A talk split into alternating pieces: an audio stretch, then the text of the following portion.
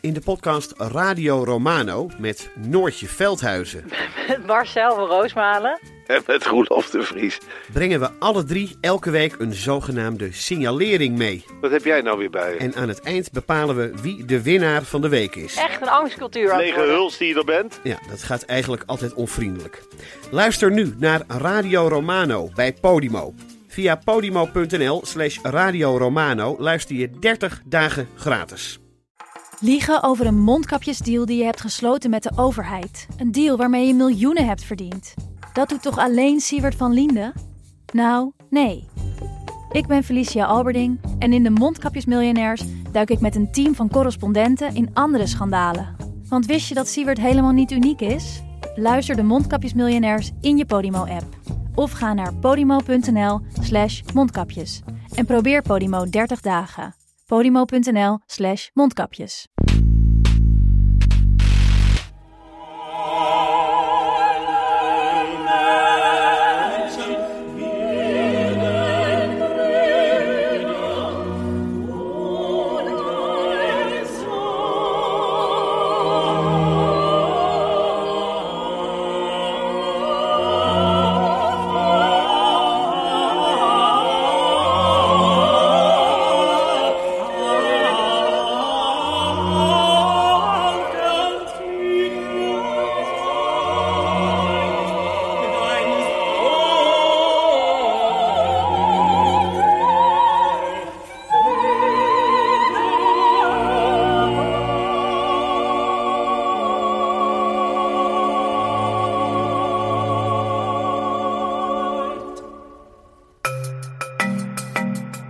Dit is Betrouwbare Bronnen met Jaap Jansen.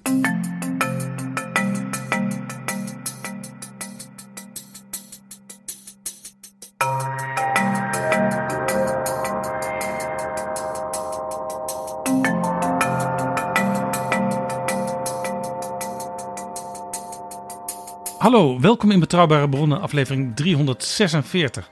En welkom ook PG. Dag Jaap, PG, wat hoorden wij zojuist? Je hoorde het Europese volkslied. De negende van Beethoven. Het slotkoor.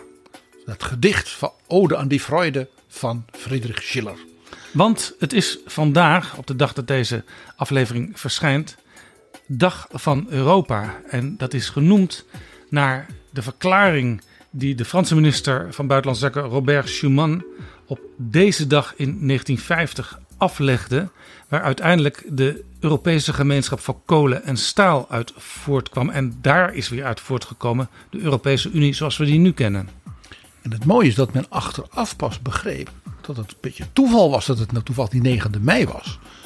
Waarop men zei dat is heel eigenlijk ook wel historisch mooi. De dag na 8 mei, het einde van de Tweede Wereldoorlog. Dus die 9e mei was ook een dag van en nu gaan we iets heel nieuws proberen. Gericht op verzoening en samenwerking. Ja, zoals wij in Nederland 4 en 5 mei herdenken en vieren, is Europa breed de 8e en de 9e mei de datum. En het mooie is dat door die verbinding van dat grote symfonische werk van Beethoven met dat gedicht van Schiller is dus het volkslied van Europa. Europa en terecht verbonden met de Jena-kruis, waarover wij het natuurlijk met Andrea Wolf hebben gehad over haar prachtige boek Magnificent Rebels. Ja, Want wie was de afgod van die jonge intellectuelen van de Jena-kruis? Die dichters, die denkers, die, ja? dat was Johann Wolfgang von Goethe. en Friedrich Schiller, zijn grote vriend.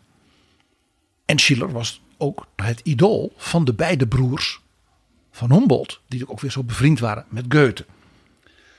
En het is dus de poëzie van Schiller, ook zijn vrijheidsdrang en zijn idealisme voor een vrij en ruimdenkend Europa, dat dus die rebellen in Jena zo enorm inspireerde. Nou ja, we hebben het toen met Andrea Wolf gehad over die vurige, verliefde jonge vrouwen en mannen, de Caroline Schlegel en Schelling en die Dorothea Veit, allemaal fascinerende mensen. Aan het eind van de 18e eeuw, daar in Jena en in Weimar. En, En zonder hen, en dus die gedichten en, hun, en hun, ook hun vrijheidsdrang, hadden we dus die Beethoven en ook die symfonie van Beethoven niet gehad.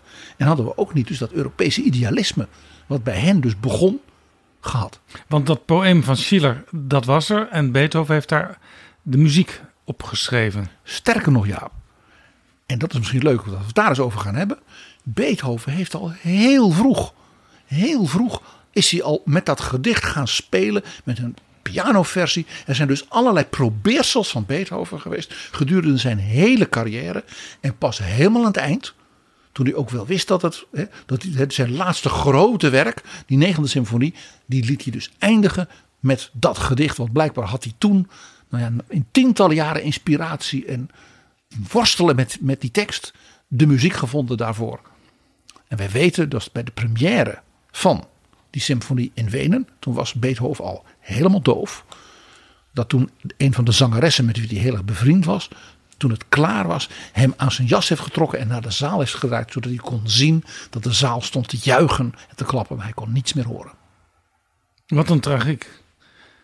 Over Beethoven gaan we het hebben in deze aflevering. Beethoven, de muzikus, Beethoven, de Europeaan De politieke Beethoven. en de zeer politieke Beethoven. Maar eerst, PG, zijn er nog nieuwe vrienden van de show? Ja, die zijn er en dat is maar goed voor hen ook. Want we hebben iets voor ze. Dus dat geldt ook voor jou, waarde Robert, lieve Marieke en beste Ellie. En er zijn ook nog donaties binnengekomen. Eenmalige van Arjan, Jouke en Cora. Ja, en eh ja, moet toch altijd even bijzeggen.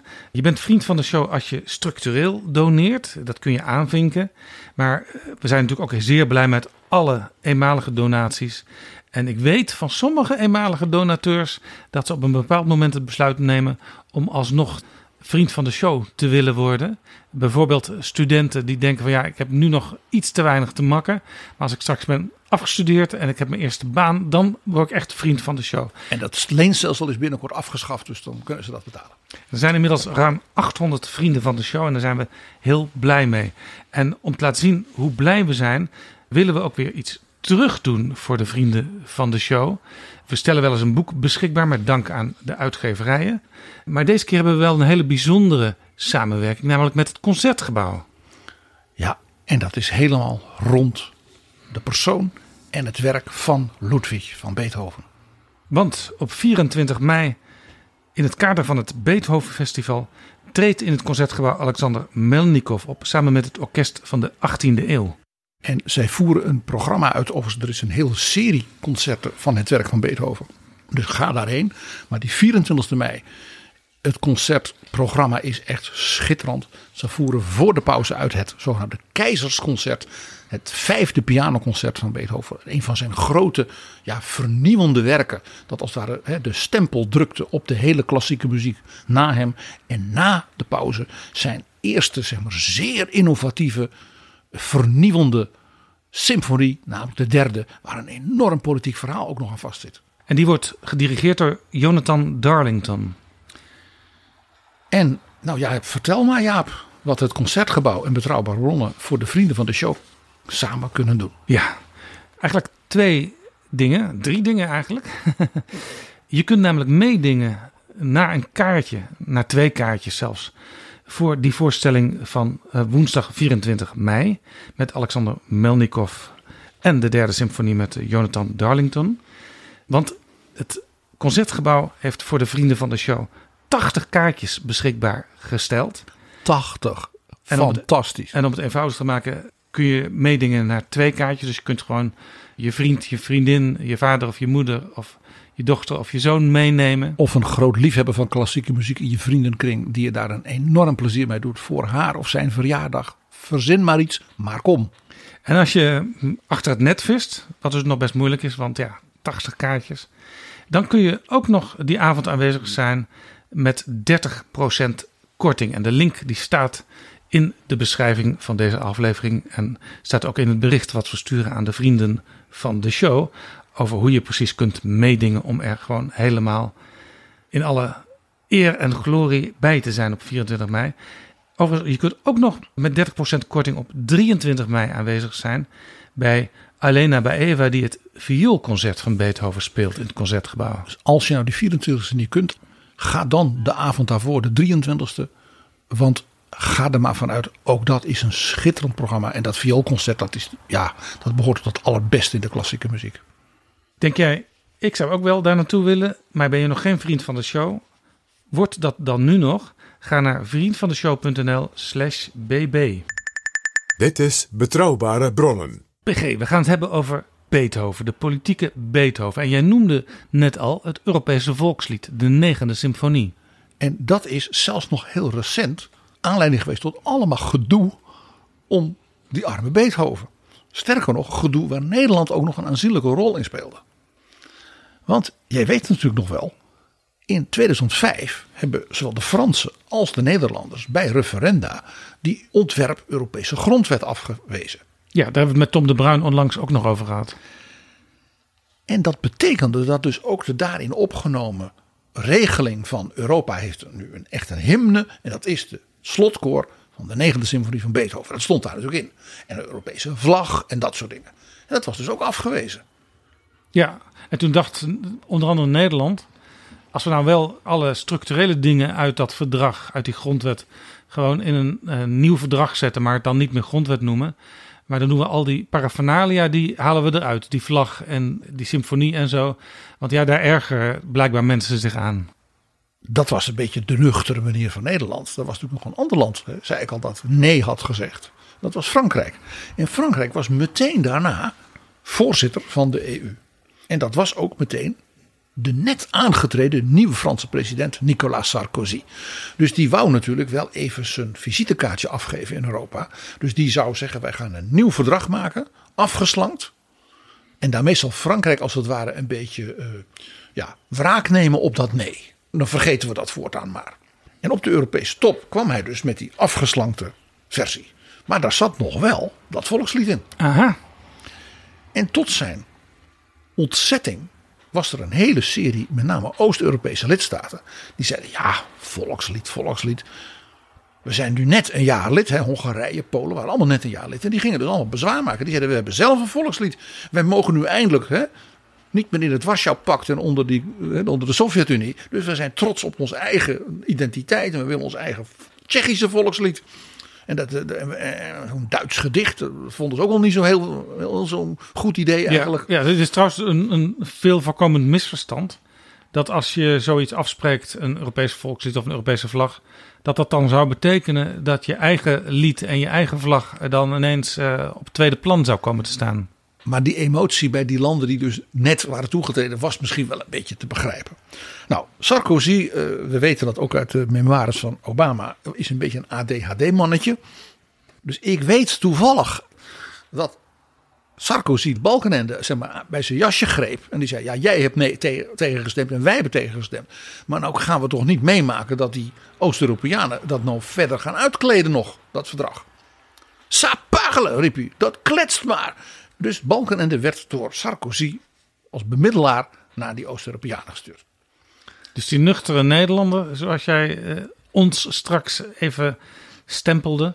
Die nuchtere Nederlander die mocht eigenlijk de klus klaren. Ja, dus die ging met de nieuwe partners uit Hongarije en Slowakije en Polen op de tafel zitten en zei: Jongens, die Franse president. Ik begrijp dat hè, onze kiezers hebben ook nee gezegd. Dat is natuurlijk voor die Franse president toch pijnlijk. Hij heeft enorm zijn best gedaan. Er ligt nu een afgeslankt verdrag. We moeten hem ook niet vernederen. Hij is zelf voorzitter, dus we doen dit als het ware hier in Parijs. Niet doen. U bent net lid. U haalt een pluspunt bij de Franse president in plaats van dat u hem vernedert. Ja, dit betekent overigens wel dat Balkan dus ook weer terug moest naar zijn eigen land. Eh, met de mededeling dat dat volkslied nog wel overeind was gebleven. Dat werd in de plooien als het ware weggestopt. Dus na dit typisch Europees gepolder. Nou, waar Tom de Bruin ook hè, kleurrijk aan ons vertelde, ook hè, met Balken en de, met de voorganger van Sarkozy, Chirac en Schreuder en nou ja, hè, dat soort gedoe. Kwam men er dus toch nog uit. En op die manier is dus dat Europese volkslied eigenlijk op ja, de valreep nog gered door nota bene de Nederlandse premier.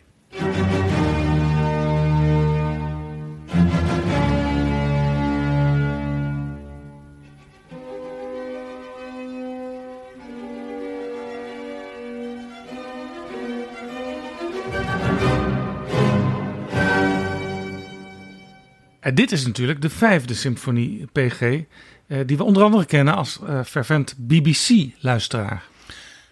Deze symfonie van Beethoven. Nou, je hoorde al die negende hè? Europees crisisoverleg erover. Deze symfonie was ook weer natuurlijk heel politiek.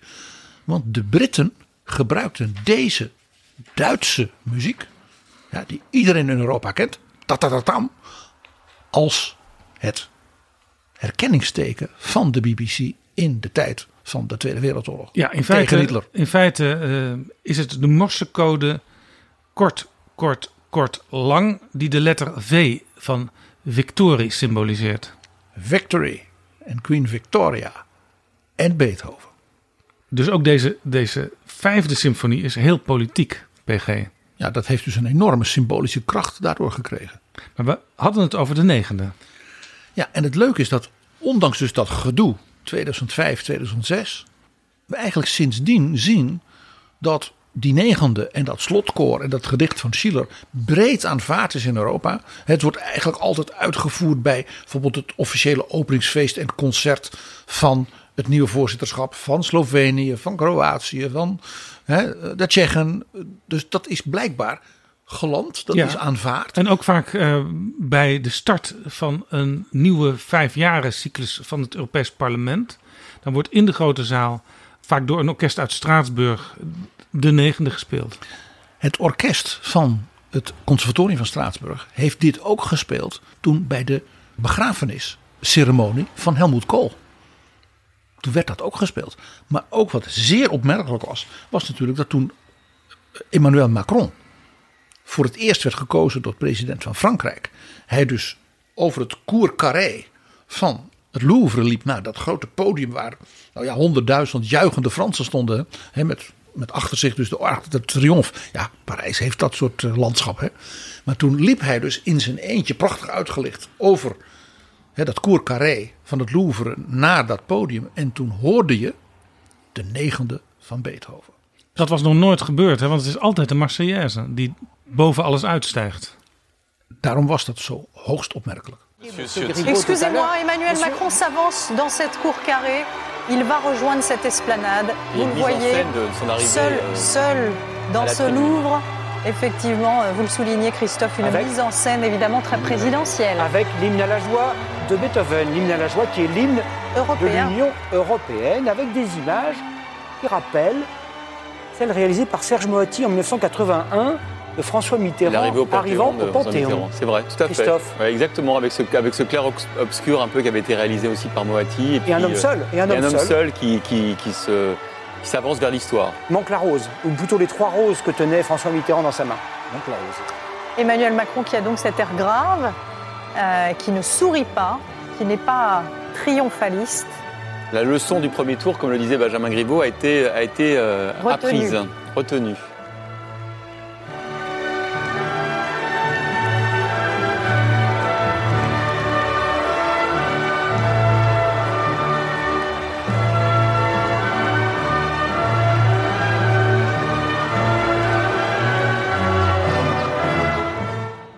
Nou, dat geeft dus aan dat dat stuk muziek, dat, dat, ja, dat heeft dus gewonnen aan zeggingskracht.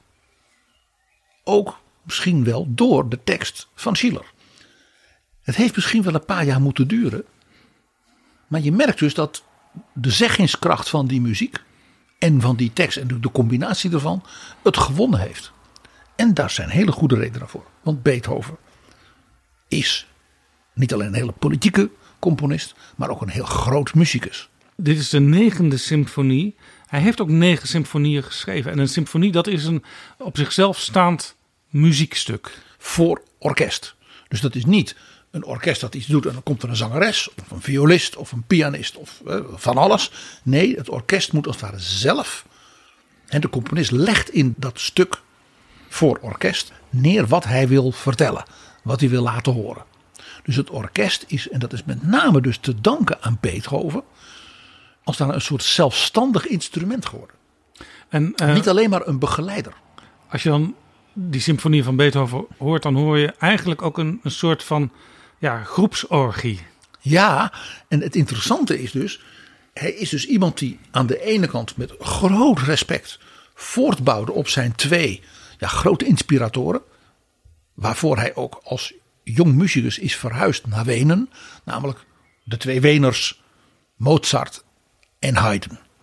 En die waren natuurlijk alle twee belangrijke ook vernieuwers van het repertoire wat wij nu breed klassieke muziek noemen. En ook van het symfonisch werk. Ja, jij zegt uh, hij verhuisde er zelfs voor naar Wenen, want hij wilde ook les nemen bij ze. Ja, dat heeft hij geprobeerd bij Mozart. Het is ook doordat ja, de bronnen niet altijd, uh, alles is bewaard, niet helemaal helder of hij inderdaad les heeft gekregen bij Mozart. Waarschijnlijk wel, maar misschien af en toe wat kleine dingen. Hij heeft wel vrij uitvoerig les gehad van Haydn, maar dat ging ja, qua persoonlijkheid niet goed. Haydn vond Beethoven geloof ik een beetje een mopperaar en het klikte niet tussen die twee. En Haydn heeft pas veel later, ook zeer ruiterlijk, dus erkend dat hij misschien het grote talent, het genie van Beethoven toen niet had gezien. Maar wel besefte en ook uitdroeg dat Beethoven voor hem wel de toekomst van de muziek was. Ja, je zegt hij, hij vond hem een beetje een mopperaar. Ik heb ook begrepen dat eh, Beethoven niet altijd welkom was in de cafés van Wenen. Omdat hij nogal vaak ja, het hoogste woord voerde. En dan ruzie kreeg in discussies. Want zoals we al hadden vastgesteld, Beethoven was zeer politiek en had overal een mening over. En ook door ja, zijn naturel, en hij werd natuurlijk al eigenlijk al vrij jong toen hij net in Wenen woonde, begon dus zijn doofheid. Waardoor het ook ja, moeilijk voor hem communiceren was.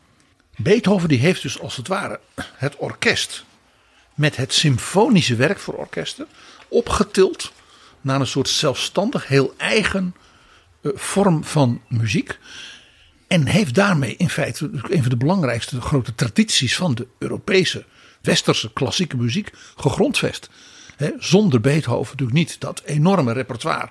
He, wat in die 19e eeuw he, na hem zo uitbouwde. En dat tot de dag van vandaag natuurlijk tot ja, wat wij de klassieke muziek noemen ja. is geworden. En dat orkest van de 18e eeuw, wat dus binnenkort in het concertgebouw een aantal keren speelt. Dat heet niet voor niks het orkest van de 18e eeuw. Eh, want het speelt met instrumenten uit die tijd. En dat is dus heel mooi. Daarmee bouwt dit orkest voort op wat ik dus net vertelde. Dat Beethoven niet zich afkeerde van Mozart en ook niet van Haydn. Maar zelfs heel erg geïnspireerd door was. Maar in hem het talent zat om als het ware een enorme stap verder te zetten.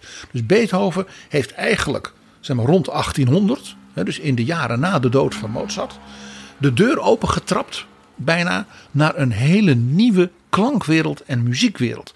Met een heel eigen opbouw. Dus hij ging die symfonieën ook als het ware ja, uitrekken. Dus de delen waaruit het bestond, die delen werden ook eigenzinniger.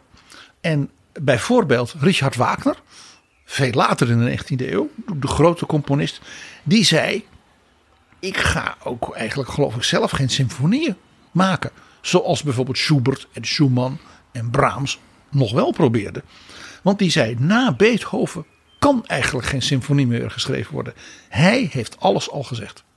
Dat is interessant, want ik heb een interview gevonden, geschreven in NRC Handelsblad in 1999 door Caspar Jansen met Frans Bruggen. En Frans Bruggen was de oprichter en de eerste grote dirigent van dat orkest van de 18e eeuw. En zelf een heel groot muzikus, uitvoerend onder andere als blokfluit specialist uit de Renaissance en Barok. En dat interview in NRC, dat ging over de negen symfonieën van Beethoven. En daarin zegt Frans Brugge, het is allemaal raak.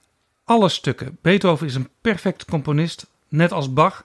Iedere noot is een goede noot. Ik zie aan de noten dat Beethoven symfonieën allemaal neergeschreven, gesystematiseerde piano-improvisaties zijn. Je ziet de momenten waarop Beethoven aarzelt of hij nu het linker of het rechterspoor zal nemen. Dat moment van een beslissing moeten nemen duurt ook bij Beethoven als improvisator eventjes. Je kunt aanwijzen wanneer hij zich concentreert op wat hij moet gaan doen. Je kunt ook zien waar hij enthousiast wordt over zijn eigen vondsten. Als je dat ziet als dirigent, dan kun je bij de uitvoering als het ware met hem mee componeren, zegt Frans Bruggen. Dit is heel mooi wat Bruggen hier zegt, want hij zegt hier in feite ook wat doet een dirigent eigenlijk? Een dirigent moet eigenlijk, ja, zeg maar, degene zijn die Beethoven hè, vanaf zijn wolk weer aan het werk zet. In, in feite ben jij het instrument van de geest van Beethoven. Dus als je denkt, ik zie Beethoven hier spelen met die gedachten en denkt, ik ga het zo proberen. En dat is ook zo bijzonder dat hij geïnspireerd zoals ik zei door Mozart en Haydn, voortdurend dat aan het doen was. Hij was voortdurend die deur aan het openen naar een nieuwe eeuw, nieuwe klanken en dus ook nieuwe vondsten en zelfs een nieuwe rol van dat orkest.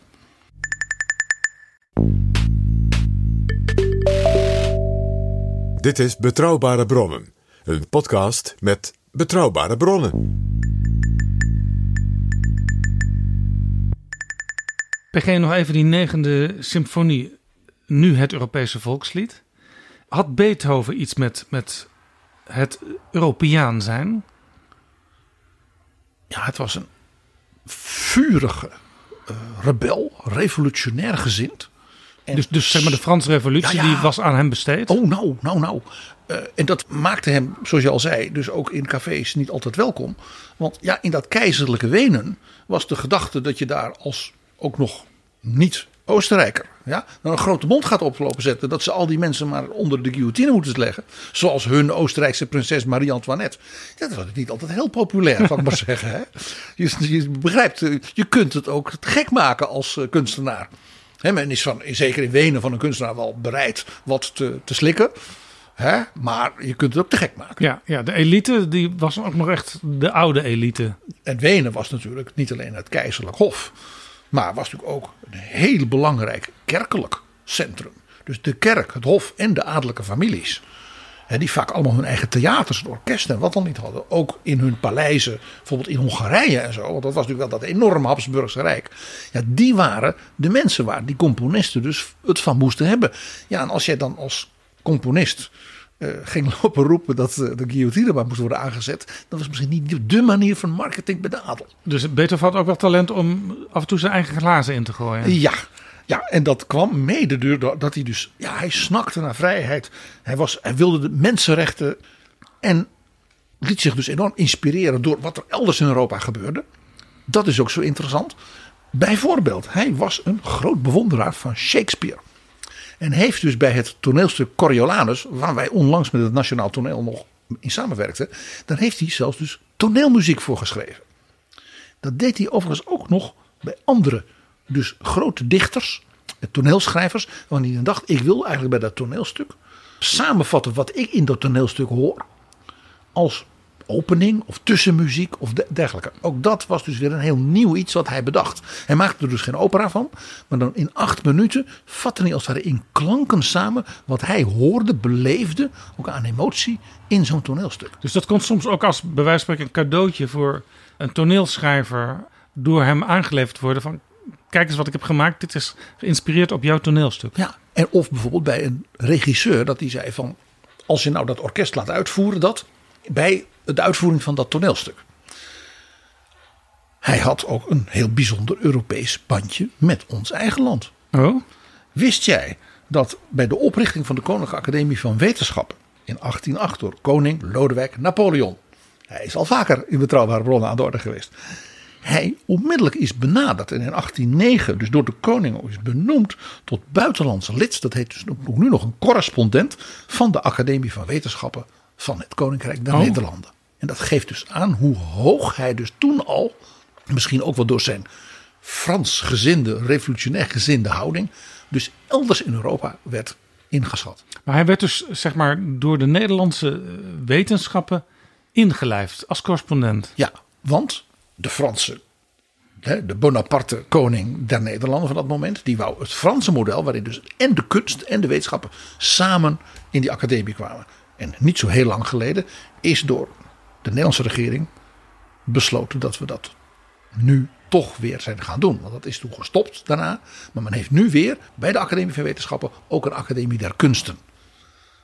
En het mooie is dus, Beethoven behoort dus tot de allereerste leden van de toenmalige sectie kunsten van de KNAW. En ja, hiermee hoor je natuurlijk meteen iets, Jaap.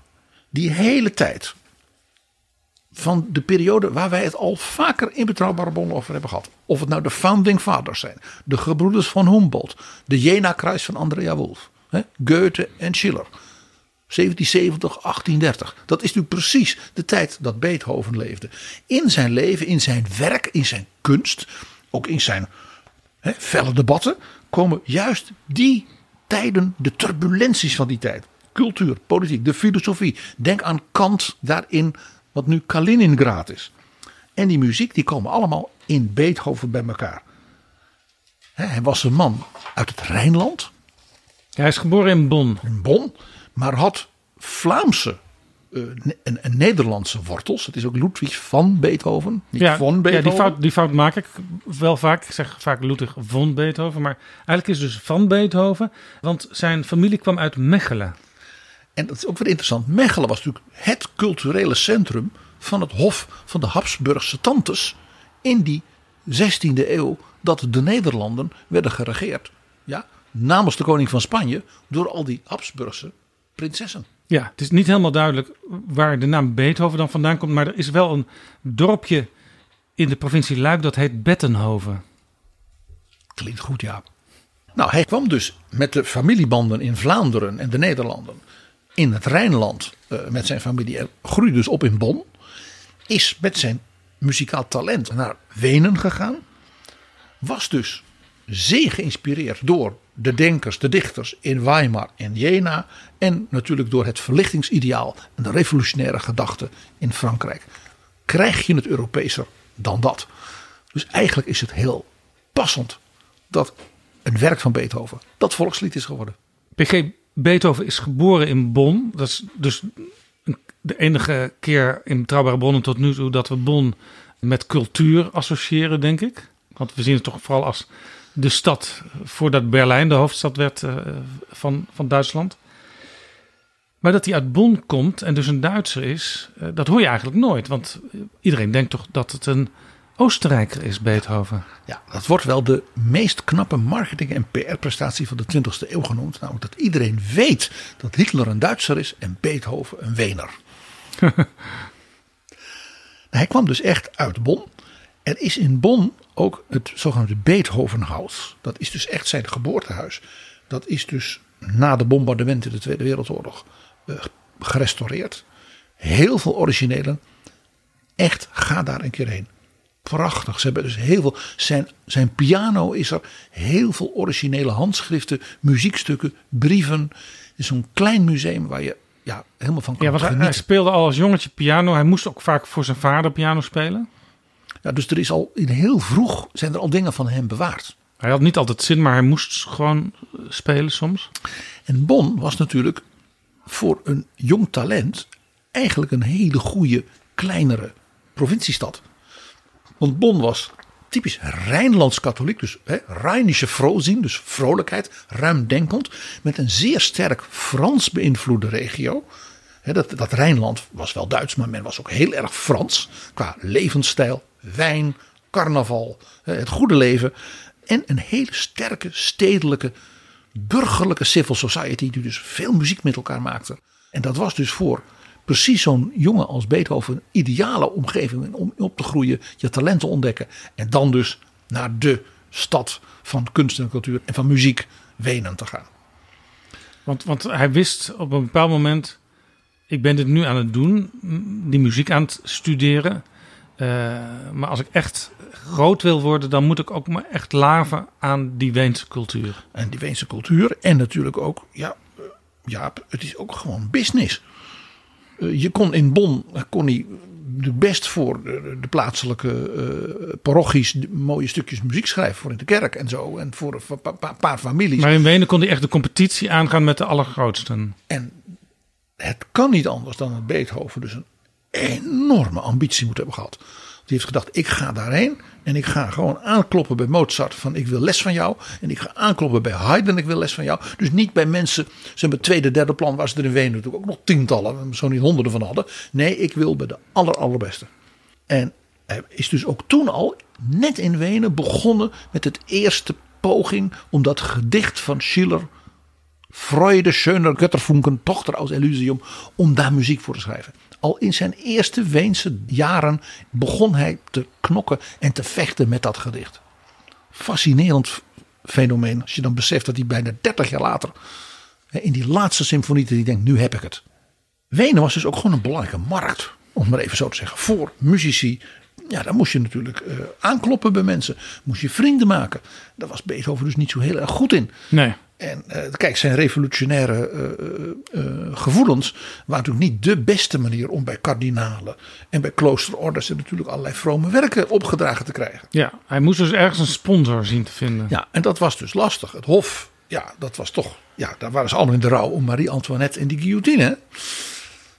En ja, en daarna trouwde de, de andere prinses ook nog met Napoleon toen die keizer was. Dus dat lag allemaal heel gevoelig, zoals dat heet, politiek. Nou, gelukkig had hij een aantal families, aantal families in Wenen, die zeiden: ja, hij is wel lastig en je moet. En dan maakt hij alweer eens ruzie. En, maar deze man is een zo uniek talent. Dus hun kinderen gingen dan toch pianoles bij hem krijgen. En ze lieten hem dus dingen schrijven. Vaak heel veel dus kamermuziek die men dan ook zelf kon uitvoeren. En ja, dan kwam toch iedereen in Wenen die ertoe deed. Ja, die van muziek hield naar zo'n uitvoering bij zo'n familie. Want dan wist men een nieuw pianokwartet van Beethoven. Een nieuw stuk voor uh, nieuwe vioolsonaten. Men wist dan dat was een evenement in de muziek.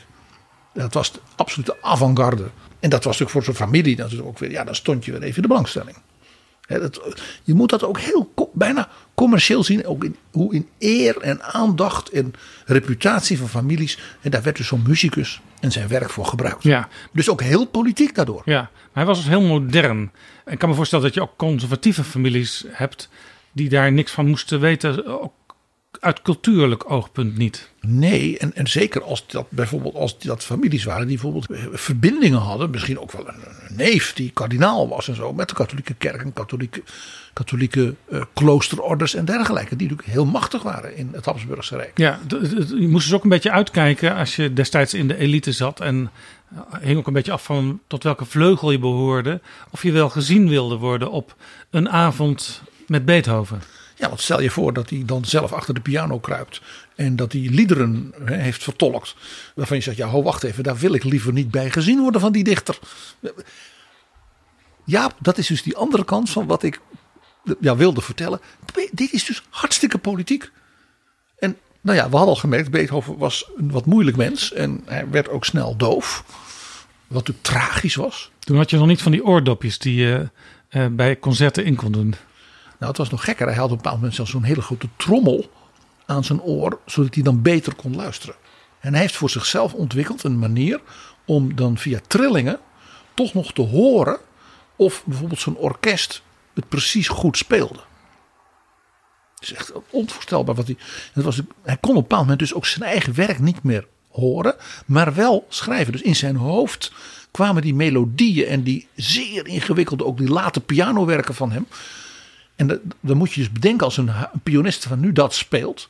Ja, zeer in, in, indringende muziek. Dat je denkt, die man kon zelf niet meer horen wat hij hier opschreef. Ongelooflijk. Er waren dus een aantal families eh, in Wenen die, ja, die, waren, ja, die waren gewoon goed voor hem. Onder andere de familie Waldstein. Heeft ook een beroemde Waldstein sonate geschreven. En ik wil dus een hele bijzondere familie die we even moeten noemen. De familie von Brentano. Is dat niet uh, de familie die ook een minister van Buitenlandse Zaken leverde? Ja, de familie van Brentano is een familie die eeuwenlang altijd zeg in de top van kunst, wetenschap, diplomatie. Dus de minister van Buitenlandse Zaken van Adenauer in de Bondsrepubliek was meneer von Brentano. Nou, een van zijn vele voorgangers, en die familie had natuurlijk allerlei takken, eh, was de eh, familie Brentano in het Wenen van die tijd. En een van hun, de vrouw daar, Bettina Brentano, von Brentano natuurlijk eh, was echt zo'n vrouw met een salon, met een grote naam. En iedere kunstenaar in Europa kende haar min of meer. Ze schreven met die mensen. En onder andere was zij zeer bevriend met Johann Wolfgang von Goethe. En zij heeft ervoor gezorgd dat Goethe en Beethoven met elkaar in contact kwamen. Dat ze ook brieven aan elkaar gingen schrijven. En toen heeft Beethoven, toen hij wist dat hij een keer de Brentano's hem zouden meenemen naar een kuuroord want ja, dat kon hij natuurlijk niet zelf betalen. Maar hij mocht hij mee. En in dat kuuroord zou ook Goethe komen. dus hadden met elkaar geschreven. Hij zei, ik wil u zo graag ontmoeten. En wat heeft hij toen gedaan? Toen dacht hij, wat zal ik nou doen? Ik moet een cadeau voor deze, de prins der dichters maken. Wat kan ik voor hem maken? Dus hij heeft een serie gedichten van Goethe op muziek gezet. En zo hebben die twee in 1812 elkaar in Bohemen, dus in Tsjechië, bij het beroemde kuuroord Karlsbad. Daar was nog weer in de bergen nog weer even op een kleiner kuuroord. Daar hebben ze elkaar ontmoet en dus heel veel gesprekken met elkaar gevoerd. En hier zie je dus die boeiende band van Beethoven met zowel Schiller de vriend van Goethe, hè, die toen al was overleden. En de, ja, het idool van de Humboldts en van de, de, de Jena-kruis. Waar Andrea Wolf zo mooi over heeft geschreven. Als je als componist een lied schrijft, dus op basis van een gedicht, dan eh, betekent dat niet dat je automatisch zelf enorm goed kunt zingen. Had hij een uh, zanger of een zangeres die dat voor hem deed? Uh, Beethoven heeft zijn hele leven muzes gehad. En bijna altijd leidde dat tot, tot verdriet en uh, narigheid. Ook door, door zijn moeilijke karakter en zo door zijn doofheid. En in die tijd dat hij die gedichten van Goethe op muziek zette. Weten we uit brieven die zijn nagelaten van hem. Dat hij een soort wanhopige liefde had voor een veel jongere vrouw. En die werd ook die onmogelijke liebe, werd hij genoemd. Dat is bijna stof voor een gedicht op zichzelf. En we weten bijna zeker uit ja, onderzoek in brieven, wat dan niet, dat dat waarschijnlijk de jongere zus was van Bettina van Brentano, Antonie van Brentano. Maar ja, die was veel jonger dan hij en was natuurlijk van zeer chique adel. En ja, hij was een moeilijke man en hij had geen geld. Dus dat was een soort onmogelijke, letterlijk onmogelijke verliefdheid die hij had. Maar dat was natuurlijk een enorme inspiratiebron voor hem ook weer. Dus hij had ook vaak zangeressen waar hij erg verliefd op was. En die hem dan ja, toch weer inspireerden tot hele grote werken. Waaronder dus ook dat slotkoor van de negende symfonie. Op dat gedicht van Schiller. Met name de altzangeres was zo'n vriendin van hem. Waar hij, ja, die dus nou, het beste uit hem haalde in zijn muzikale talent.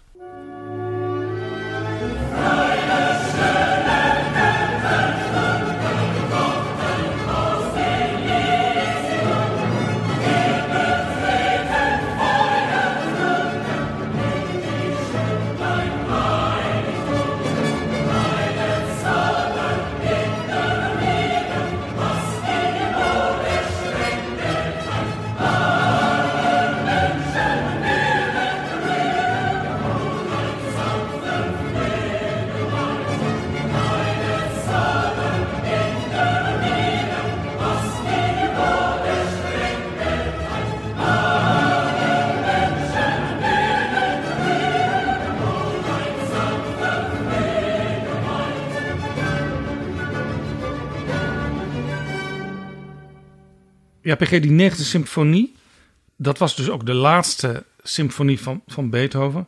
En dus de laatste keer dat hij met dat gedicht van Schiller, wat dus weer de vriend was van zijn vriend Goethe inmiddels, ja, ineens het gevoel had: ik heb nu dat gedicht ja, in mijn hand. Ik, ik weet nu wat ik daarmee wil zeggen in de muziek. Dus vier solisten, ja, dus een tenor, een bas, een sopraan en een alt. Dus echt een grote bezetting. En dan nog dat enorme koor. dus in de loop van zijn leven is dat gedicht steeds groter geworden. En dat is een soort boodschap die hij heeft meegegeven in zijn laatste symfonie, in het slot ervan. Ja, de apotheose van die negende symfonie. En dus ook de apotheose van zijn drang naar vrijheid, naar, uh, ja, waar hij natuurlijk in het wenen van toen, toen hij dat deed, ja, uh, dat die Franse revolutie was voorbij, Napoleon was verslagen. In feite was de restauratie en ook de repressie was weer helemaal terug. Dus het was ook nu weer, ook weer een enorm politiek signaal dat hij hiermee kwam. Eigenlijk ook een protest dus tegen de loop die de politiek in die jaren alweer had genomen in de verkeerde richting. Ja, en daarom dat dus die, die bijna, bijna grootste manier waarop je het ja, uh, laat doen, met dus die vier solisten ook dat laat dus zien dat hij zegt van dit heeft zoveel te zeggen. Dit gaat nooit verloren. Dat zit er ook in. En Jaap, het is toch bijna geen toeval. Weet je dat volgend jaar, vlak voor de Europese verkiezingen, er iets bijzonders is? Dan is het namelijk de 200ste verjaardag van de première van dit stuk. Waar Beethoven, zo doof als hij was, er wel bij was. In Wenen en waarbij meteen bij de première de zaal is afgebroken. En dat had natuurlijk denk ik ook wel te maken dus met dat politieke signaal. Ja, en overigens die negende van Beethoven wordt ook in het kader van het Beethoven Festival gespeeld in het Concertgebouw. Maar ik vrees dat daar geen kaartjes meer voor zijn. PG, die negende symfonie, is dus denk ik zijn meest politieke stuk. Heeft hij nog meer dingen gedaan met een politieke klank. Nou ja, ik ben het zelfs helemaal niet met je eens dat die negende zijn meest politieke stuk is. Wel, wat jij zo prachtig zei, de apotheose van zijn zeg maar, politieke worstelingen in de muziek. Maar ik heb nog een ander voorbeeld. Hij schreef dus niet alleen bij Shakespeare zo'n toneelmuziek. Hij heeft bij het toneelstuk Egmont van Goethe ook een muziekstuk geschreven. Dat is namelijk een ouverture.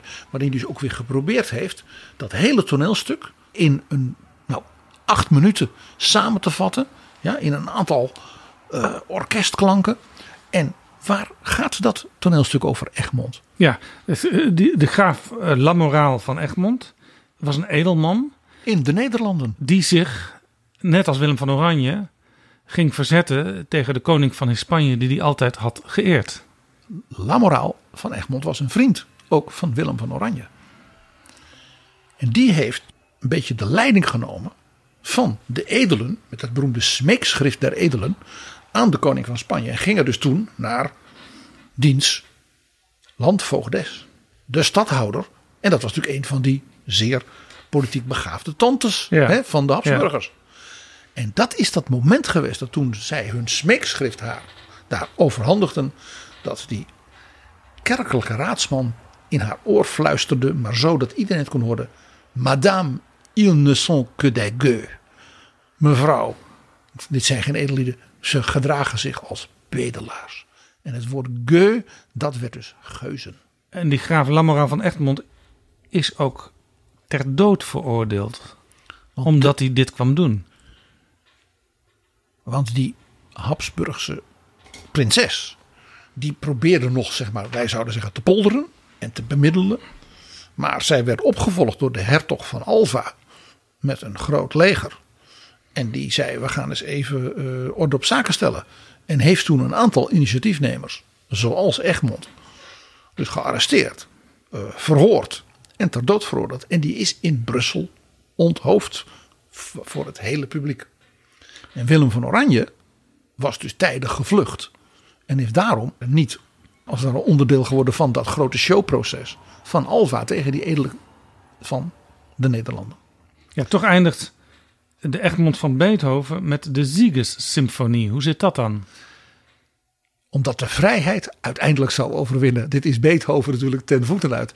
En het is heel interessant, want hier is er dus opnieuw een bijzondere band met Schiller en de Jena-Kreis en Goethe. Want het thema van een edelman die zegt: Ik kies voor de vrijheid. Want dat is fundamenteler godsdienstvrijheid, geestelijke vrijheid. Dan dat ik als edelman het goed voor mijn zin heb en andere mensen worden onderdrukt. Dat ontstond doordat Schiller een boek heeft geschreven, een geschiedenisboek, want dat deed hij ook. Ja, die man kon heel veel, hè, over de Nederlandse opstand tegen Spanje. En dat was natuurlijk heel duidelijk een, ook weer een zeer politiek pamflet, dat boek bijna. Dat een heel serieus historisch boek is. Namelijk, hoe kom je in opstand tegen een keizer en een vorst die jou gaat onderdrukken? En wat is dan de motieven die je daarvoor gebruikt? Dus dat historisch onderzoek was ook meteen natuurlijk een programma van revolutionair denkende jonge mensen. En het is Goethe geweest, dus de vriend van Schiller, die uit dat boek het verhaal over graaf Egmond las. En die dacht, daar zit een toneelstuk in die man. En die heeft dus dat toneelstuk Egmond geschreven. En dat inspireerde dan weer Beethoven zo, dat hij dit in feite dus heel opstandige stuk, anti-keizerlijk. En let op, het was dus ook het huis Habsburg. Ja, tegen wie Egmond met dat smeekschrift kwam van u moet de vrijheid van godsdienstvrijheid geven. Dus het was ook nog een anti-Habsburg stuk. Zullen we naar een stukje uit Egmond luisteren, PG?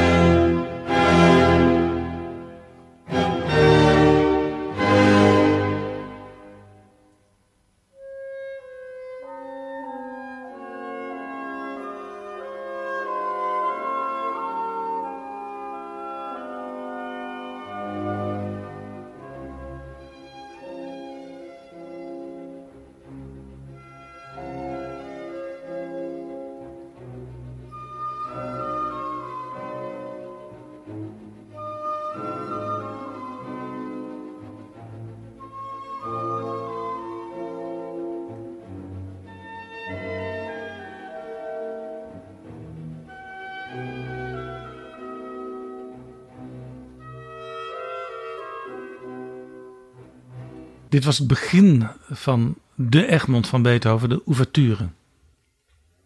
Maar ook het concert op 24 mei, waar onze vrienden van de show ja, in grote getalen naartoe mogen. Dus komt allen, wij verheugen ons zeer op u. Bevat weer de ene politieke revolutie naar de andere. Om te beginnen, ja, dat vijfde pianoconcert. Dat heet het Keizerconcert. En waarom? Dat is een bijna megalomaan pianowerk. Waarin hij alles wat hij in zijn hele leven aan piano. En hij was ook een heel begaafd, ook zelf pianist. Hè, wat hij aan bedacht had aan hoe je met piano en dat orkest.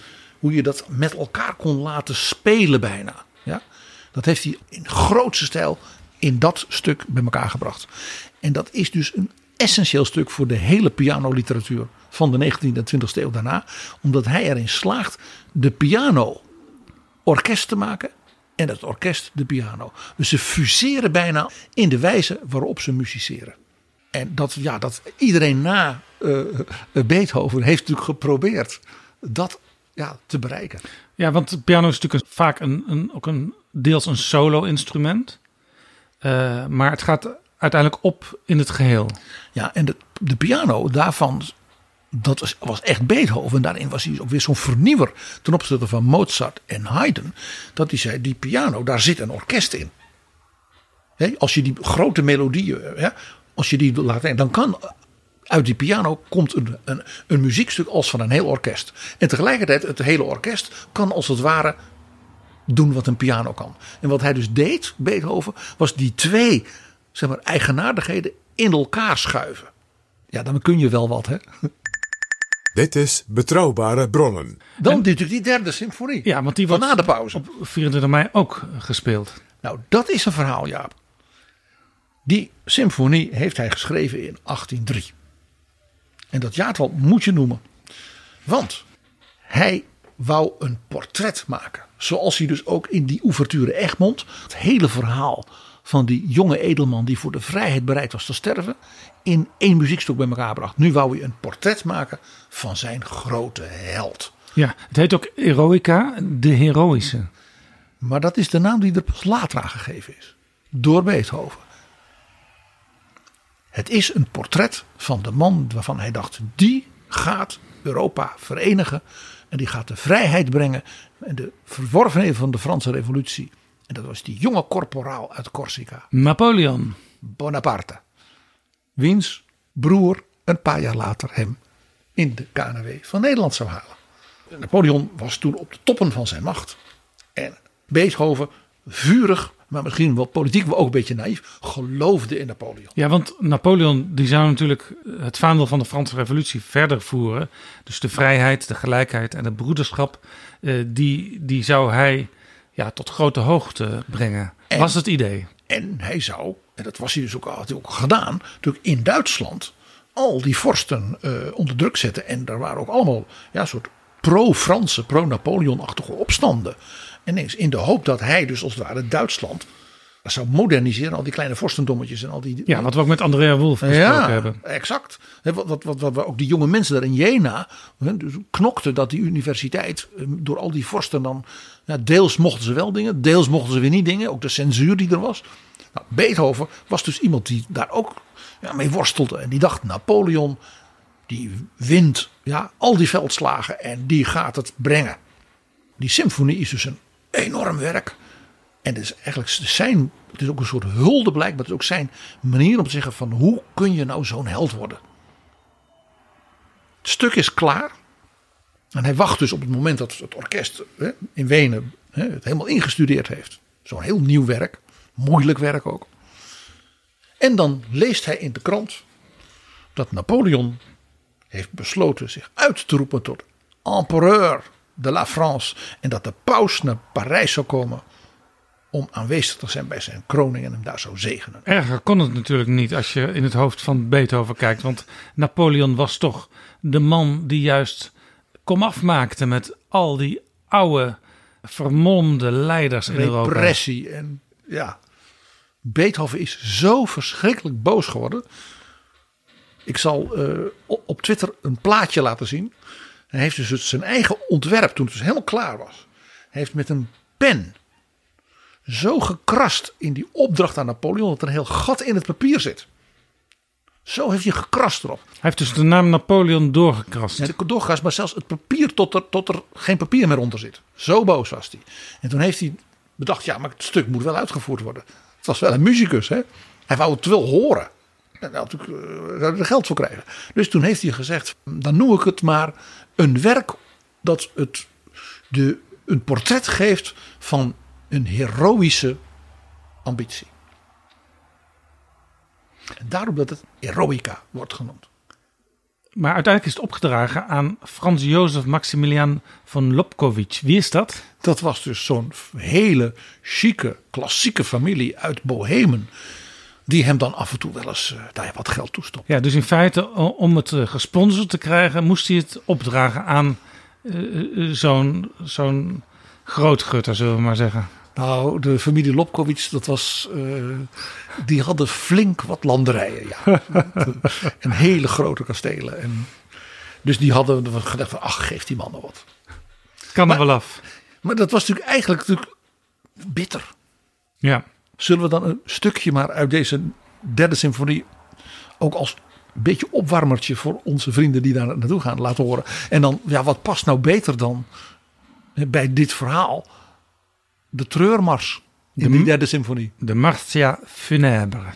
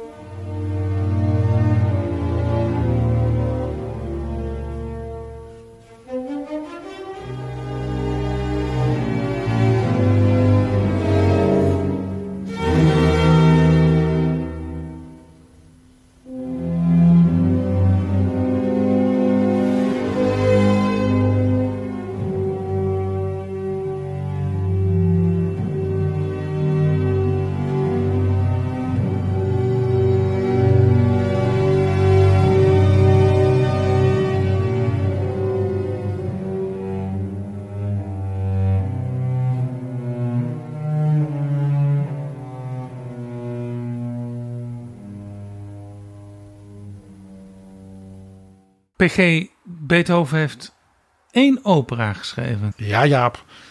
Het was een man met een grote variëteit aan werken. Daarin kon je dus de inspiratie zien van Mozart en Haydn.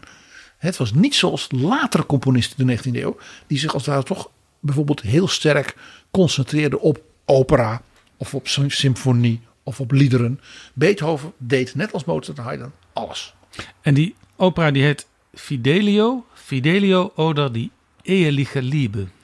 En dat is een opnieuw zo politiek werk, ja.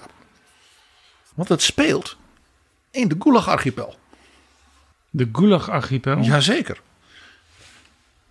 De kortste versie van het verhaal van deze opera is... in een strafkamp in een dictatuur... zit een jonge politieke leider opgesloten... en zijn vrouw, Leonore, die denkt: wij vrouwen mogen dan treuren en dit en dat.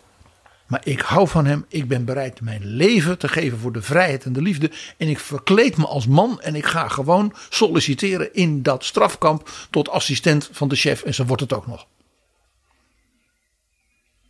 En Leonore die probeert dus haar geliefde te bevrijden, verkleed als man. Zou dat wel mogen trouwens van uh, allerlei mensen tegenwoordig.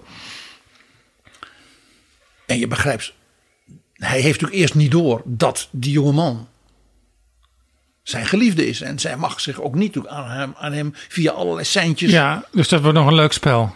Ja, maar ook ongelooflijk spannend en eng en ja, dood of leven. Hè? En ze moest natuurlijk ook die baas van die gevangenis natuurlijk een beetje kietelen. Ja, maar het idee was dus dat hij, eigenlijk een zij, haar man zou bevrijden. Ja, en ze worden natuurlijk betrapt. En door een wonder is er dan een soort militaire coup. En dan wordt op het laatste moment, ja, het moet wel opera zijn, hè, worden ze bevrijd van buiten. Nou ja, je begrijpt, groot feest, groot koor. En waarom was Beethoven nou zo, zo gegrepen door deze materie? Heeft, heeft drie verschillende ouvertures geschreven voor deze opera. Omdat hij wou aldoor nog indringender in die paar minuten de essentie van waar die opera over gaat vatten. Dus tot drie keer toe. Ze worden ook alle drie, de ouverture Leonore 1, Leonore 2 en Leonore 3, nog altijd uitgevoerd. En dan denk je, maar waarom heet die opera dan niet Leonore? Fidelio was dus haar naam als jongen. En Fidelio betekent ook uh, de trouwe, de trouweling. Juist. Iemand waar die dus haar man trouw is, maar ook iemand waar je op kunt vertrouwen. En voor Beethoven, dat is dus de essentie in dit stuk voor hem. Dat is dus de liefde, de vrijheid en de trouw aan elkaar. Dat is één ding. Dat is ook de boodschap als het ware van deze opera.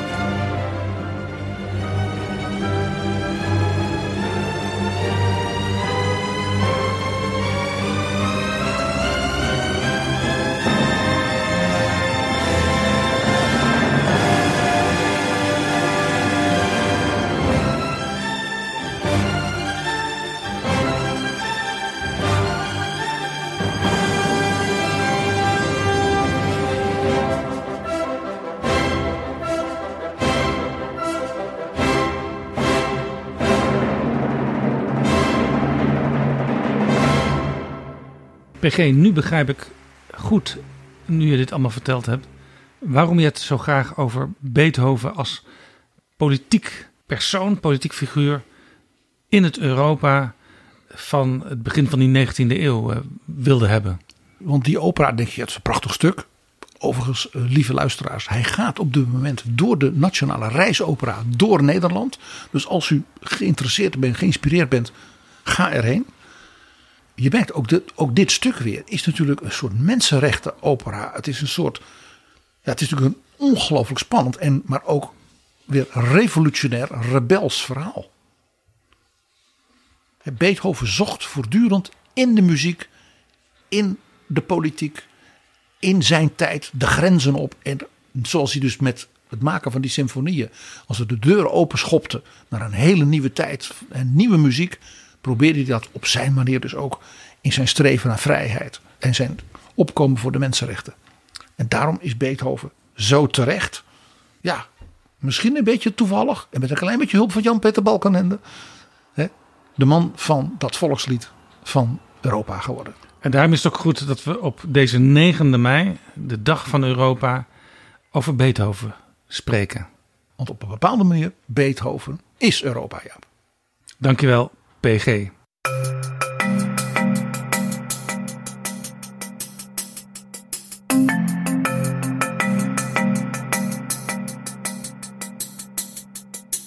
Zo, dit was Betrouwbare Bronnen, aflevering 346. Deze aflevering is mede mogelijk gemaakt door het Concertgebouw. en door de vrienden van de show. En vergeet niet het orkest van de 18e eeuw. Wil jij ook vriend van de show worden? Ga dan naar vriendvandeshow.nl slash bb. En losse donaties zijn natuurlijk ook welkom. En als je vriend van de show bent, dan kun je dus meedingen naar het bijwonen van dat prachtige concert in het kader van het Beethoven Festival met Alexander Melnikov en het orkest van de 18e eeuw. Op 24 mei. En wij hopen u daar allemaal tegen te komen. Want we hebben nog een kleine verrassing. Ja, want in de pauze heffen we samen het glas op betrouwbare bronnen. En dat doen we in een speciale foyer in de pauze. Want dan vinden we het fijn om op eh, deze podcast te klinken samen met een stuk of tachtig vrienden van de show. Een echte ode aan die Freude. En in de beschrijving van deze aflevering en ook in de berichten aan de vrienden staat ook nog hoe je, als je ja, op de een of andere manier toch nog net achter het net vist, ook met 30% korting naar ditzelfde concert kunt. Of naar het concert een dag eerder, het vioolconcert met Alena Baeva. Ik zou bijna zeggen, maak er twee avonden van. Een avond met het vioolconcert en een avond met dat schitterende programma en met ons erbij. U bent allemaal van harte welkom. Tot volgende keer. Betrouwbare bronnen wordt gemaakt door Jaap Jansen in samenwerking met dag en nacht.nl.